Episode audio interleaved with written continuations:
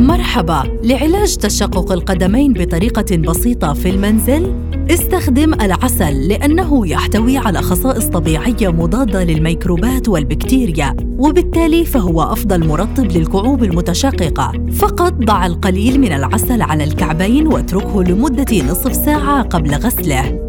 استخدم غسول الفم لأن مكونات غسول الفم تقتل البكتيريا وترطب البشرة الجافة لذلك انقع الكعبين في غسول الفم المخفف بالماء لمدة 15 دقيقة. قم بوضع القليل من زيت جوز الهند على الكعب المتشقق قبل النوم لأن زيت جوز الهند هو الأفضل لعلاج البشرة الجافة استخدم الخل إذا كان سبب تشقق الكعوب ناتج عن عدوى فطرية وذلك بنقع القدمين في الخل. وأخيرا إذا كان لديك بعض بقايا الموز فلا تتخلص منه ويمكنك استخدامها لعلاج الكعوب المتشققه ضعه على الكعب واتركه يجف ثم اغسله ببساطة. إلى اللقاء في وصفة علاجية جديدة.